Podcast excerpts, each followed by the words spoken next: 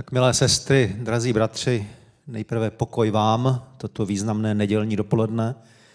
Víte, změna pastora je vždy významná událost. Zvláště v naší církvi. Víte, ona není církev jako církev. Každá denominace má své zvyklosti a v našich podmínkách pastor nemá funkční období a často jsou to desítky let, které stráví ve službě a za tu dobu vtiskne do sboru mnohé. Velice silně má možnost sbor ovlivnit.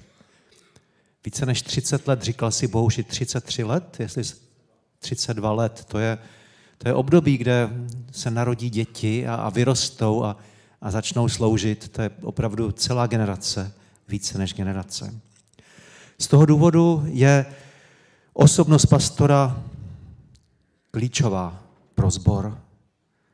A o to náročnější potom bývá takový sbor přebrat. Jestliže někdo tolik let formuje společenství, pak přichází další generace a bývá to spojeno s očekáváním, s nadějemi i s obavami, ale to je životní nutnost. Nový pastor, pokud je alespoň trochu moudrý, tak staví na tom, co vybudovali generace služebníků před ním, ale současně přináší i nové věci. Byla by škoda nebo byla by hrubá chyba, kdyby pouze zakonzervoval to, co bylo vybudováno, on má stavět, současně i, i rozvíjet. Není možné věci dělat úplně stejně, stejně tak je nemodré, nemoudré udělat jakousi revoluci. Je dobré zbor moudře vést, rozvíjet to, co bylo zase to. Chtěl bych využít i tohoto okamžiku, abych Bohoušovi poděkoval za tu, let, za tu práci, za ta celá léta. Bohouš byl nejenom pastorem sboru, ale také i členem Rady církve. Vlastně stále ještě formálně je a kdyby bylo po mém, a myslím si, že nemluvím jenom za sebe, ale vyjadřuji přání více bratří, tak bychom si přáli, aby si v Radě církve zůstal. Teď, když už si nějak osvobozený od břemena té každodenní práce ve sboru a můžeš jenom úročit moudrost, tak to je ideální čas, abys byl členem rady. Ale chápu, pán Bůh má pro tebe nové období v životě a my to respektujeme, ale jenom chceme říci, že bychom byli rádi. Tak, mým úkolem není nějak zasahovat do procesu, které pán Bůh koná ve vašem sboru. Máte svou vizi a pán Bůh vás vede svým způsobem, ale chtěl bych hovořit o věcech, které jsou obecně platné, které jsou nadčasové a které se dotýkají všech, vždy a všude. Chtěl bych dneska kázat o lásce. Myslím, že to je dostatečně široké téma a současně silné i aktuální a myslím dost důležité, aby zaznělo v tento den. Budu číst z prvního listu Timoteovi od verše 3 do verše 7. Když jsem odcházel do Makedonie, žádal jsem tě, abys dál zůstal v Efezu a nikomu nedovolil učit odchylným naukám a zabývat se bájemi a nekonečnými rodokmeny, které vedou spíše k jalovému hloubání, než k účasti víry na božím záměru. Cílem našeho vyučování je láska z čistého srdce, z dobrého svědomí a z upřímné víry. Od toho se někteří odchýlili a dali se na prázdné řeči. Chtějí být učiteli zákona a nechápou ani svá vlastní slova, ani podstatu toho, o čem s takovou jistotou mluví. List je adresován mladšímu spolupracovníku apoštola Pavla Timoteovi a zabývá se různými tématy. Kdybychom četli celý ten list, tak vidíme, že tam rozebírá širokou paletu témat, které se týkaly života tehdejšího společenství křesťanů. Ale přesto takové klíčové slovo, které možná vystihuje celý list, tak bychom našli ve třetí kapitole ve verši 15. Pavel píše, pro případ, že bych se opozdil, aby zvěděl, jak je potřeba si počínat v božím domě, jimž je církev živého Boha, sloup a opora pravdy. Jo, kdybych se opozdil, kdybych nemohl přijít, bych tam nemohl být já, tak aby zvěděl ty, co je, co je klíčové pro službu v církvi. A začíná slovy, cílem našeho vyučování je láska.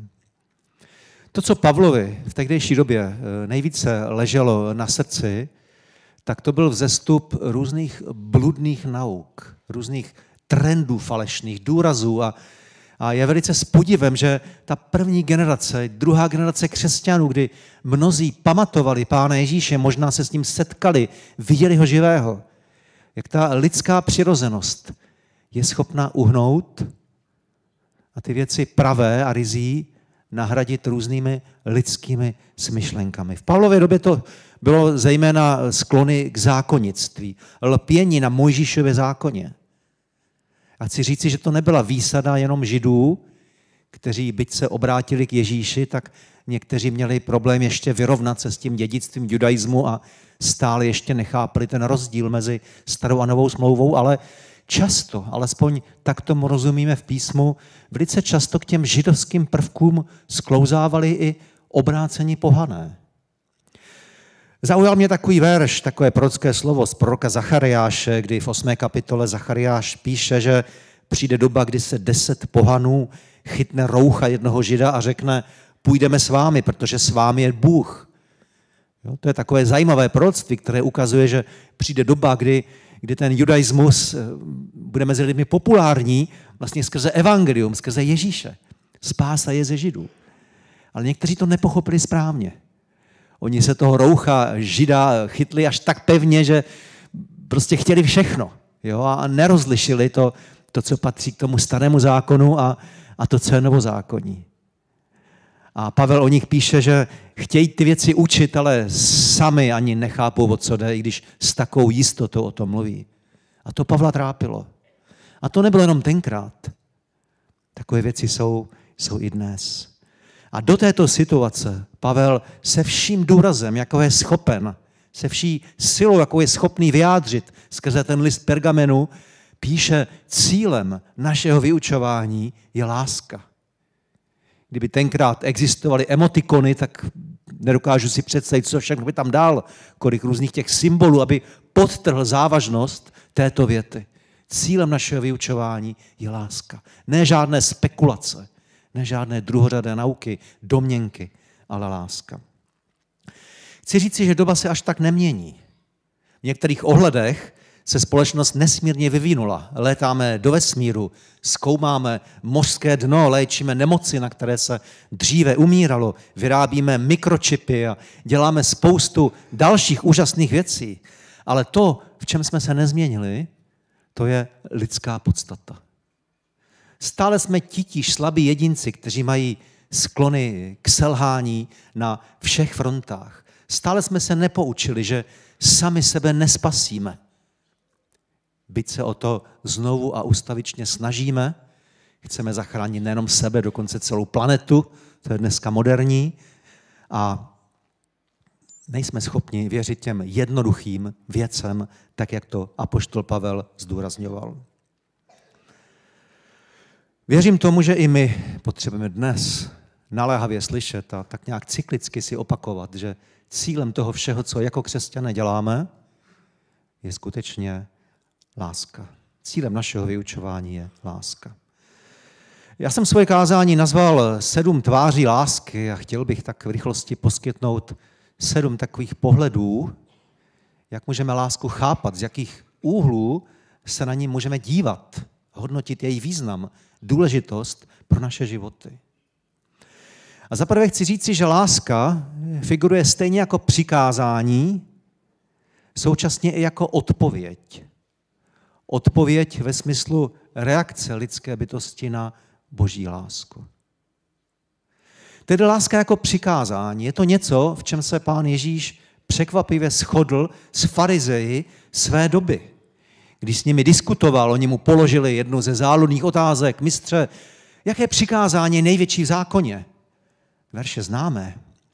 Například u Matouše ve 22. kapitole, verš 37, tak Ježíš říká, miluj hospodina, svého Boha celým srdcem, celou svou duší, celou svou myslí. To je největší a první přikázání, druhému podobné, miluj svého blížního jako sám sebe. Na těchto dvou přikázáních spočívá celý zákon i proroci. V tom se shodli. A stojí za zmínku, že tato dvě přikázání nepochází z desatera, ale až z dalších komentářů.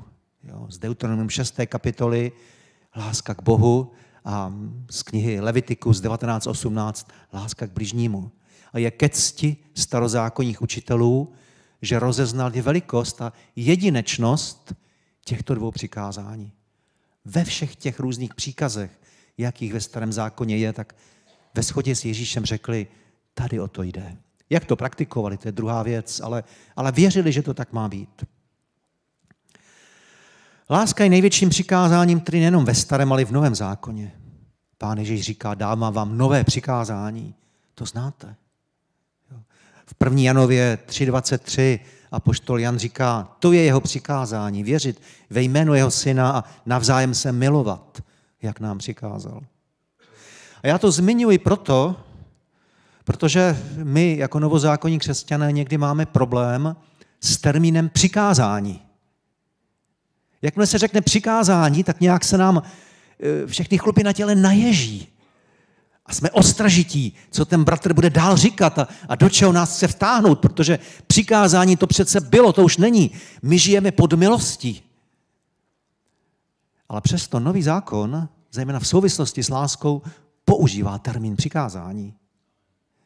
Jednak explicitně v těchto případech, které jsem zmínil, a jejich novém zákoně více, a pak i implicitně, kdy, kdy prostě apoštolové říkají v tom rozkazovacím způsobu milujte se navzájem.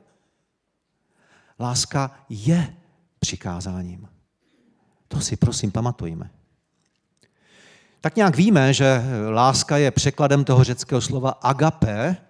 Myslíme si, že jde o nějaký jedinečný druh lásky, ale ve skutečnosti v tehdejší řečtině se pro vyjádření lásky používala řada různých výrazů a a dokonce i církevní otcové nepoužívali jenom to slovo agapé, ale pro vyjádření boží lásky používali širokou škálu jiných výrazů, dokonce i včetně řeckého výrazu erán a jeho odvozenin eros.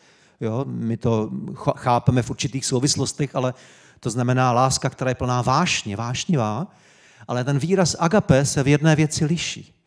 Ten označuje lásku, která je spíše rozumová, lásku, která potřebuje rozhodnutí, odůvodnění, má větší podíl té prostě intelektuální, intelektuální složky. Nejsou to až tak vášně, ale, ale spíš úvaha. A v tomto smyslu láska může být přikázání. My se můžeme pro ní rozhodnout. Můžeme si říct, chci. A chci se rozvíjet tímto směrem a chci se takto budovat. Láska tedy je přikázáním. Ale láska je současně i odpovědí. Je reakcí na boží dobrotu, je reakcí na to, jaký Bůh je a co dělá. Vidíme to ve starém zákoně stejně jako v nové smlouvě.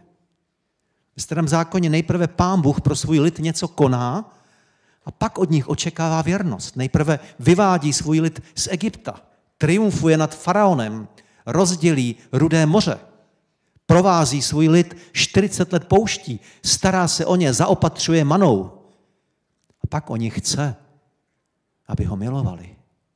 To je reakce, láska je reakce na boží dobrotu. Říkal to i Bonhoeffer, že naše láska k Bohu je jenom druhou stranou mince boží lásky. My nejsme schopni Pána Boha milovat, aniž On by miloval nás. My jenom reagujeme na to, jaký On je a co On udělal. V Novém zákoně je to ještě zřejmější. A poštol Jan píše v 1. Janově 4.19, my milujeme, protože Bůh napřed miloval nás. A jak jsem tak procházel nový zákon a hledal jsem všechny ty důvody k lásce, já zjišťuji, že je to tak jednoduché. Pro všechny generace křesťanů ve všech národech tak úžasně srozumitelné, že tady nic nového nevymyslíme. Všechny generace křesťanů měli před očima ten jednoduchý a jasný základ evangelium že Bůh se vtělil, přišel na svět ve svém synu. Žil mezi svými. V určitý věk začal sloužit jako rabín, jako mistr, schromáždil kolem sebe učedníky. Pak rozhodnutím jak římské velerady, tak i, i římanů, nebo židovské velerady, tak i římanů, skončil na kříži, kde zemřel potupnou smrtí. A třetího dne byl vzkříšen z mrtvých. A celý nový zákon svědčí o tom, že to byl úradek boží.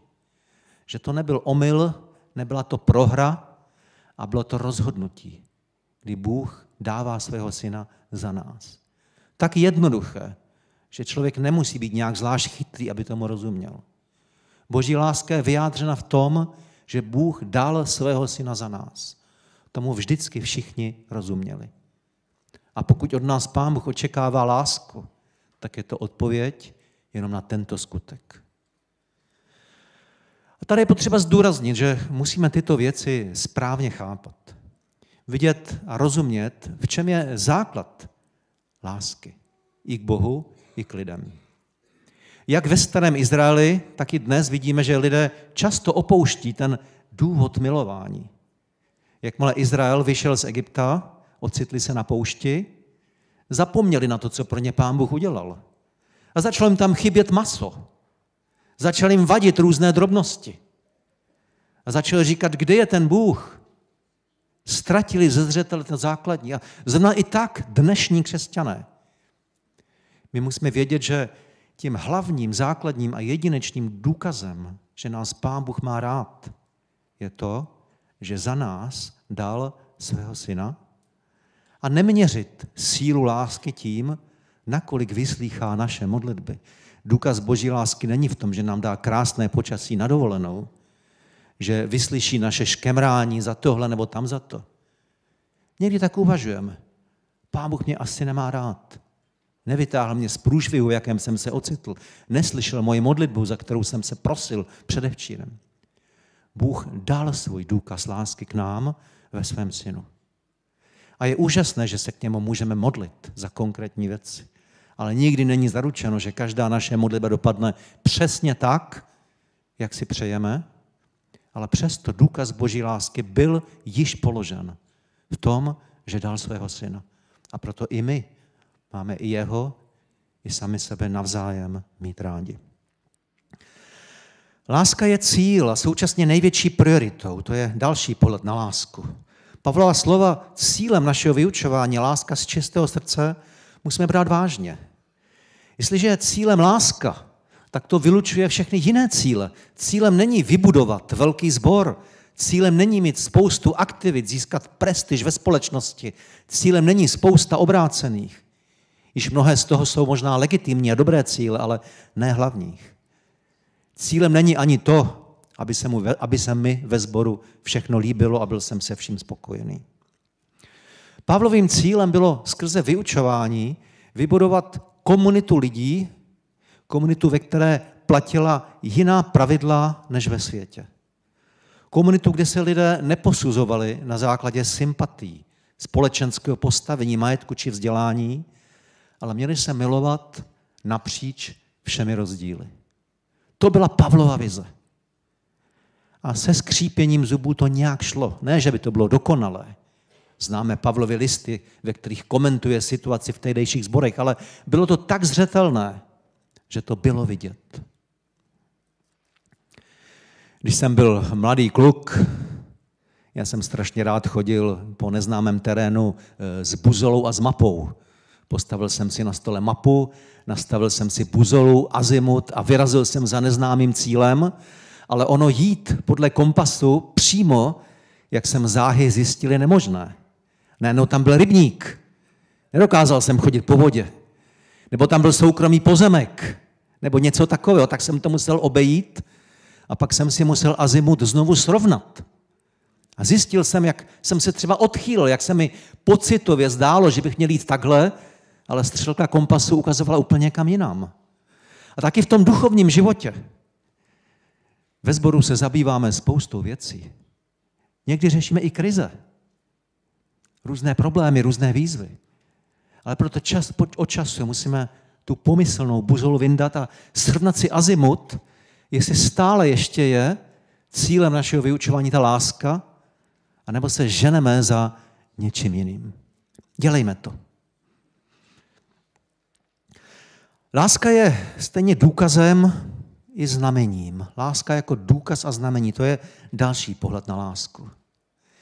Jedním z nejsilnějších důrazů ve vyučování o lásce je její role důkazu a znamení, a to ve dvou věcech. Láska funguje jako důkaz spásy. Jak poznáme, že je člověk křesťanem?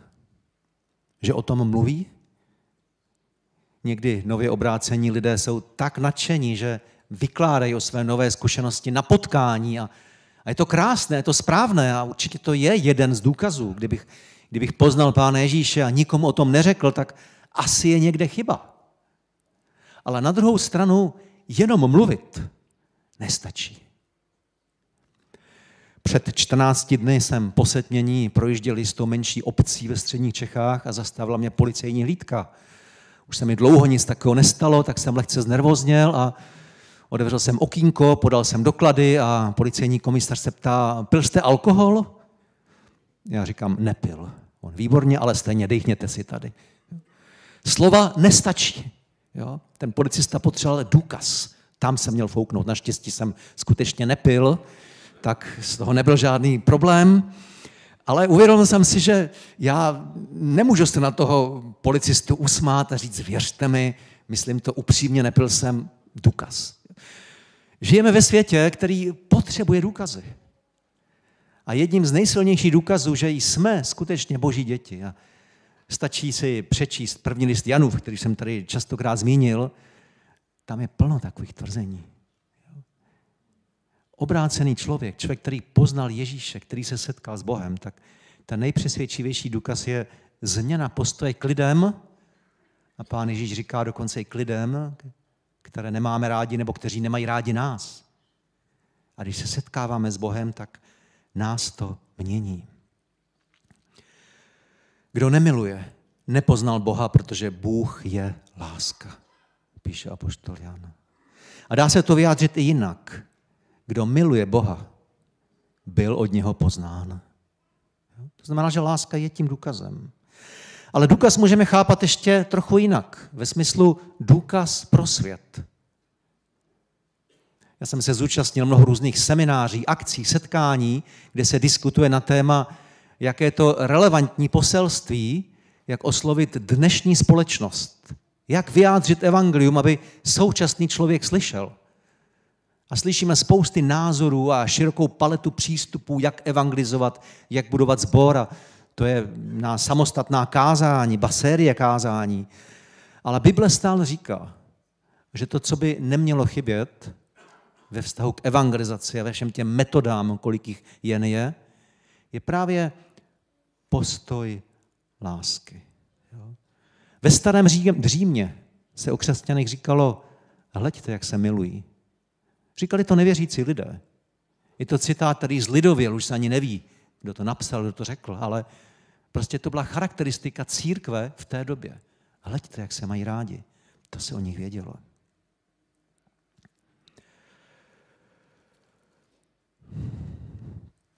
Jednou jsem se setkal s předsedou jedné z našich českých církví, denominací, v denominaci, kde mají zavedený zvyk vizitací. Jo, pokud byste byli pastorem v jejich sboru, tak jednou za několik let vám tam přijde taková komise lidí a proskoumají, jak co děláte a jak se lidé mají a, a všechny věci v tom vašem sboru. A tak jsem se toho svého známého ptal, podívej se, byl jsi už u nějakých možná 60 vizitací, zkus mi říct nějaký schrnující pohled. Co si z toho odnášíš? Jaký máš dojem z toho? On se krátce zamyslel a řekl, myslím si, že to nejdůležitější je, aby kazatel, pastor, aby měl rád lidi. A řekl mi dvě svědectví. Říkal mi, byl jsem v jednom zboru a při té vizitaci se baví s pastorem, baví se s manželkou, se staršími, baví se s nejrůznějším škálou lidí ze sboru a tak se tam bavili s jednou sestrou takovou, nenápadnou a, a jak se vám, sestro, daří ve sboru, jak jste spokojená, jak se cítíte. On říká, dobré, dobré, ten náš kazatel, úžasná kázání má, někdo tomu ani moc nerozumíme, jo, je vidět, ale že studuje, ale bratře, řekněte mu, aby nás měl víc rád. Jo? A, a v jiném svědectví pak se zase bavili v jiném sboru s někým jiným, zase kladli podobné otázky a oni říkali, víte, bratře, na rovinu, ta jeho kázání, jako je vidět práci, si s tím moc nedá, ale cítíme, že nás má rád. Jo? Tak to byl převládající dojem, z vizitací, záměrně nejmenuji denominaci, ale myslím si, že něco podobného platí i u nás. Mít se rádi. Jiné svědectví, možná podobné, můžu zmínit. Dělali jsme kdysi ještě v našem, v mém domovském sboru ve Vansdorfu velkou evangelizaci a pozvali jsme tam také nějaké zastupitele města, města žádali jsme o grant a takové věci a nás tehdy ještě tak moc neznali, tak nám žádný grant nedali, ale, ale paní místo starostka přišla na závěrečné schromáždění, bylo to ve sportovní hale, byla tam spousta lidí a ona říkala ve svém promluvě, zpočátku jsem vám moc nevěřila. Ale dvě věci mě přesvědčily. Viděla jsem, že jako křesťané nejenom o víře mluvíte, ale dokážete také něco udělat. Tehdy tam mládežníci natírali nějaké lavičky v parku a uklízeli odpadky a takové věci. To je první věc, jaká mě přesvědčila. A druhá věc, jaká mě přesvědčila, že se dokážete taky bavit a smát. Pro nás možná si řekneme, co je na tom, ale tu paní místo starostku to oslovilo a řekla, dodatečně vám schválíme 10 tisíc ještě. To byl tehdy velké peníze. Důkazy. Lidé potřebují důkazy. A tím největším důkazem je láska. Jinou tváří lásky je láska jako nejvyšší ctnost. Něco, o co jde. Kdybychom si měli vybrat jednu charakterovou stránku, kterou budeme rozvíjet, zaměříme se na lásku. U církevního otce Jeronýma čteme, Jeroným vypravuje, že když stařičký apoštol Jan byl tak starý, že nemohl chodit ani kázat, tak ho přinášeli na lehátku, vždycky na schromáždění a dali mu krátký prostor, aby jenom krátce jednou větou pozdravil lidi. A on vždycky říkal stejnou větu. Děti, milujte se navzájem. A jeho posluchači už to byli takový rozmrzeli, jo? už tak senilní, že nám neřekne nic jiného. Tak se ptali, bratře Jane, proč stále říkáš toté, totéž? A on řekl, kdybyste toto jediné dělali, tak jste všechno naplnili. Po celé generace křesťané věděli, že láska je to, o co jde. Jiný církevní otec Augustín říkal, miluj a dělej, co chceš. Nadsázkou, ale na tom velký kus pravdy. Pokud bude tvoje srdce ovládáno láskou, nemám strach o to, co vymyslíš. Nauč se nejprve milovat na 100% a pak si dělej, co budeš štít. To je velký kus pravdy. I my si musíme vypěstovat cit pro priority. Jo? Pravděpodobně nebudeme jako jednotlivci ve všem dokonalí, ale nezapomínejme na vztah k druhým lidem. I jako sbory se budeme lišit. Jsou sbory, které investují do misie, jiné sbory zase mají rozvinutou službu skrze potravinovou banku, jinde zase skrze mládež. Prostě ta zaměření jsou různá. Ale pamatujme na to, co Pavel napsal. Cílem našeho vyučování je láska. Ať budeme dělat cokoliv, ať je toto něco, co je tou dominantní ctností, kterou budeme známí. Láska je také boží přirozenost. Zase je to Jan, a Jan se nejvíce zabýval tématem lásky, proto ho převážně cituji tak napsal ve svém prvním listu 4.8, kdo miluje, nepoznal Boha, protože Bůh je láska. A o pár veršů totéž znovu opakuje. Bůh je láska, to je vyjádření jeho charakteru. Ale současně chci říci, a já to cituji už po druhé tento verš, že to je jedna z málo pochopených pravd křesťanství, protože za to tvrzení Bůh je láska, my se často schováváme, aby jsme skryli naše falešné postoje. O co v životě jde? Vždyť Bůh je láska. Co mi, bratře, tady vytýkáš? Jsi nějaký zákonník, co ti na mě vadí? Vždyť Bůh je láska. Jako kdyby to jediné tvrzení přebylo všechna ostatní negativa, kterými se nechceme zabývat, protože Bůh je přece láska. To je falešné pochopení lásky. Neuvažujme tak. Přesto to tak často slýchám. Co vy křesťané naděláte? Vždyť Bůh je přece láska. O co jde? Ano, Bůh je láska. Ale bychom pečlivě zkoumali, co všechno to znamená, tak jedna z prvních věcí, na kterou přijdeme, a píše se o ní už ve starém zákoně, že Bůh je milující, ale žádlivě milující. A s tím jeho následovníci vždycky měli problém. Někteří muži nebo i ženy jsou žádliví, Ona ta žádlivost je známá spíše v tom negativním smyslu, ale žádlivost v podstatě vystihuje, že někoho miluji a totež očekávám od té druhé strany a chci, aby, tam, aby, aby z toho byl vztah dvou, dvou nějakých entit, aby to nebyl trouhelník, aby tam nebyl někdo jiný, ke komu upnu svoje pocity. A jestliže Izrael někdy koketoval s jinými bohy, tak měl s hospodinem vážný problém. A jestli my hovoříme o tom, že Bůh je láska, je to pravda. Za předpokladu, že mu dáme celé srdce a že nekoketujeme s jinými bohy. A já nepodezírám nikoho z dnešních křesťanů, že by měli někde v obýváku sošku bála nebo astarot nebo něco takového, ale Bohem může být koníček, Bohem může být práce, Bohem může být rodina, Bohem může být auto, peníze. Bůh je láska, ale je žádlivě milující. To je dodatek tomu tvrzení. Nikdo lépe nezjevil boží podstatu než Ježíš. On byl prorokem, králem, knězem, rabínem. Bylo tehdy mnoho rabínů, za kterými chodili spousty lidí. V tom pán Ježíš nebyl nějak výjimečný. Ale přesto měl něco víc, co ostatní neměli. Šli za ním i různé pochybné existence, výběrčí daní, drsní rybáři, prostitutky a další spodina. A tak často přemýšlím nad tím, co Ježíš dokázal lidem nabídnout, že takoví lidé ho následovali. V tom se odlišoval od rabínů své doby. A myslím si, a to vám garantuju, že si s němi nebavil jenom o biblických veršících. Musel jim dát něco víc, něco jiného. Ani jim nepředhazoval, jak jsou neduchovní. Co změnilo Zachea, toho výběrčího daní, že dokázal slézt ze stromu, prohlásit, že navrátí všechno, co nakradl a ještě pozvat Ježíše na večeři. Myslím si, že moderní psychoterapeut by Ježíšovi záviděl. Taková dramatická proměna během několika okamžiků. Co změnilo samařskou ženu u studny, která se vyhýbala lidem, u níž vidíme, že i vůči Ježíši byla taková skeptická, odmítavá, ironická. Co jí změnilo, že za chvíli jde a volá k té studni celé město, pojďte se podívat. Co je změnilo? Já myslím, že Ježíš těm lidem něco dal. Nebyly to jenom zázraky. My jako letniční někdy zdůrazněme potřebu zázraků, boží moc. To je taková mantra, kterou se oháníme. A je to tak. Ale zázrak přivede člověka k obrácení. Ale co přivede člověka ke změně charakteru?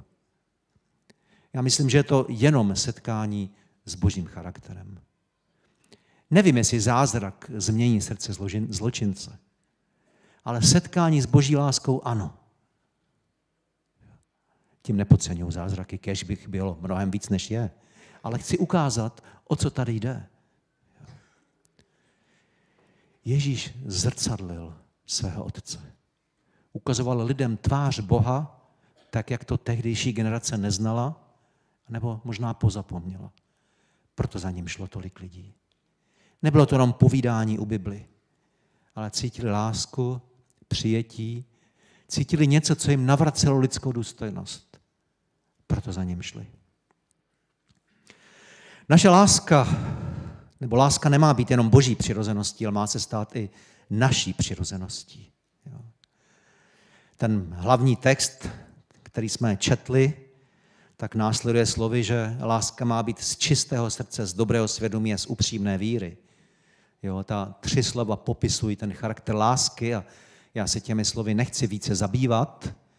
Chci jenom říct si, že připravujeme program na duchovní soustředění, který bude nějak tyto tři vyjádření budou tvořit osnovu těch jednotlivých večerů a budeme o tom hovořit podrobněji.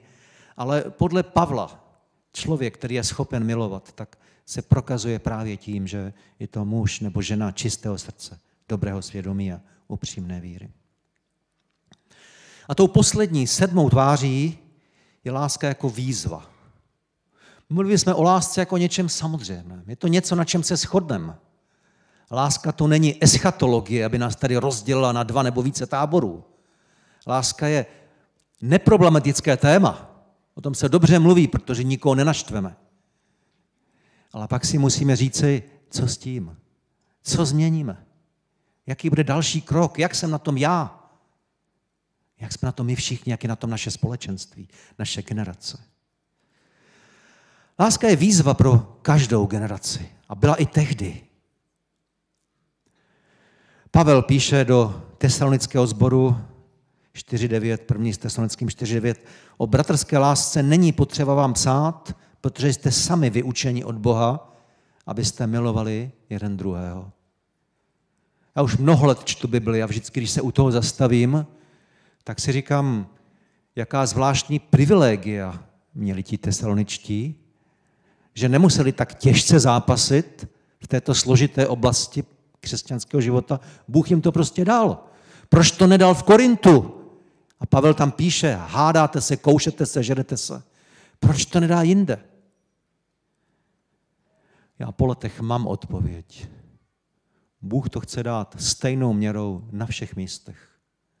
Ale nedá to sám od sebe.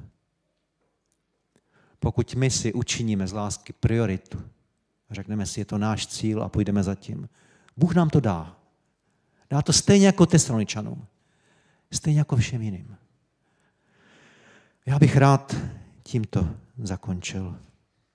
Nejsou privilegovaní křesťané, nejsou privilegované sbory. Ale záleží na tom, co učiníme naší prioritou. A tak prosím, pamatujme na ta Pavlova slova. Cílem našeho vyučování, já bych si dovolil dodat, cílem našich aktivit, cílem toho, proč jsme tady na zemi, je, abychom budovali společenství lásky. A pak i nebe bude na naší straně a pak i o tomto zboru bude možné napsat, Bůh je vyučil, jak se mají milovat. Amen.